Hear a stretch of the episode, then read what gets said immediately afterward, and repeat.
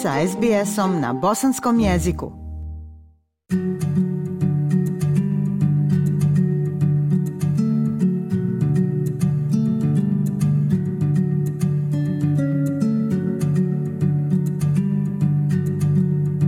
Slušate SBS program na bosanskom. Ja sam Aisha Hadži Ahmetović. Nova studija sa Univerziteta Macquarie pokazala je da je medijska slika odjela za hitne slučajeve u bolnicama u Australiji uglavnom negativna i da se nije promijenila u posljednjih 20 godina. Prilog Kiare Hain.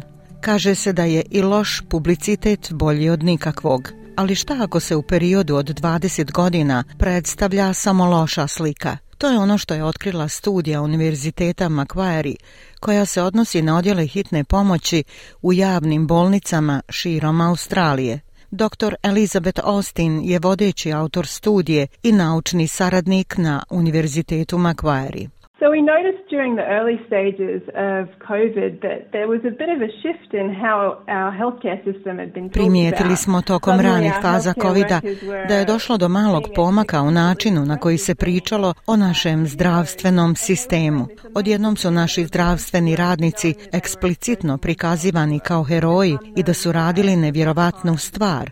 Išli su na posao znajući da su se u to vrijeme izlagali nepoznatom virusu. I tako nas je zanimljivo imalo kako se o njima govorilo u štampi. Osvrnuli smo se 20 godina prije covid i želeći shvatiti kako su odjele za hitne slučajeve prikazivali naši mediji u to vrijeme. Studija se bavila je štampanim i internetskim pričama koje se odnose na hitne službe i koje su objavljivane u glavnim novinskim kućama između januara 2000. i januara 2020. Studija je pokazala da su problemi sa službama hitne pomoći bili posebno izraženi između 2012. i 2020. godine, pri čemu se u 80% članaka spominje problem. Najčešći od problema su bili infrastruktura koja ne zadovoljava potrebe za uslugama i dužina vremena čekanja a mišljenja su prvenstveno dolazila od vladinih glasnogovornika, profesionalnih udruženja i doktora, a ne pacijenata, medicinskih sestara i drugih radnika na prvoj liniji. Doktorica ostin kaže da novinari konstantnim prikazivanjem problema sugerišu da odjeljenja hitne pomoći nisu u mogućnosti da pruže sigurnu hitnu medicinsku pomoć svojoj zajednici. We found that most of the news articles that have been published were reporting problems and the causes of those problems. Otkrili smo da većina novinskih članaka koji su objavljeni izvještavaju o problemima i uzrocima tih problema tako da su govorili o dugim čekanjima koje pacijenti doživljavaju, kao i o njezi koja se pruža u hodnicima, stalno naglašavajući negativno iskustvo pacijenata u hitnim službama, a malo njih je pisalo o rješenjima i inovacijama koje se dešavaju u urgentnim odjelima. Profesor Steve Robson je predsjednik Saveznog australskog medicinskog udruženja. On kaže da ima prostora za poboljšanje medijskog izvještavanja o zdravstvu. We know that stories about the health system are very popular uh, and get a lot of clicks for media and a lot of uh, Znamo da su priče o zdravstvenom sistemu veoma popularne i da imaju puno klikova u medijima, da se puno čitaju.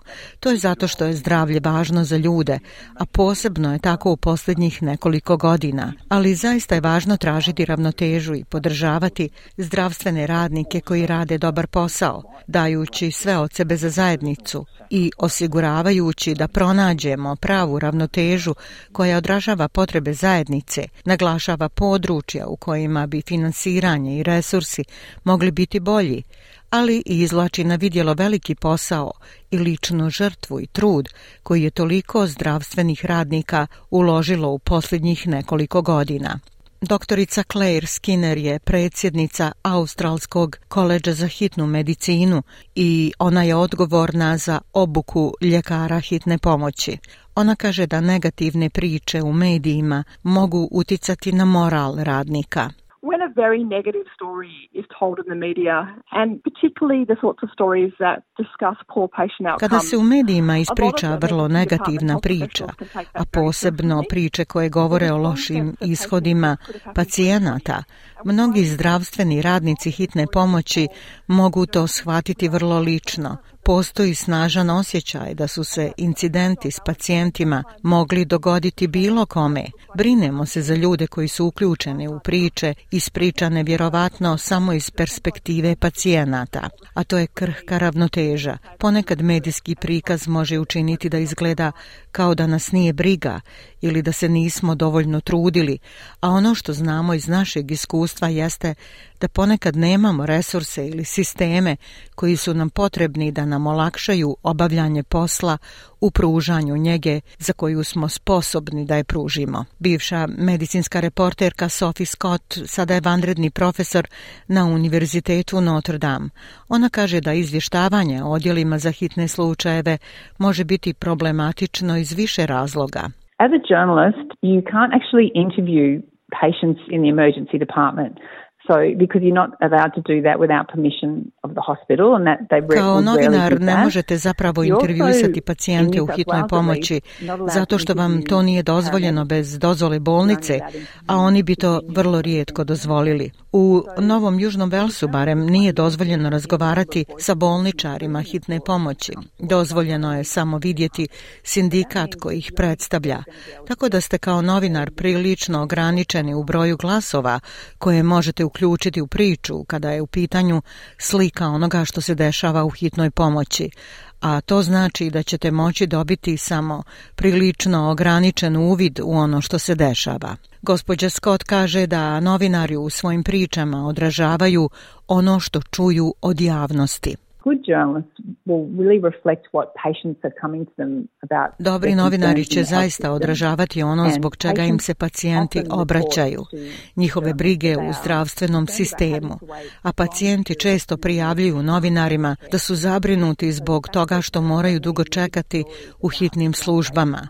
Dakle, činjenica da postoji toliko negativnih priča o dugim čekanjima, mislim da to samo odražava zbog čega su pacijenti zabrinuti zabrinuti, a te priče samo odražavaju zabrinutost koja je ključna briga koju pacijenti imaju.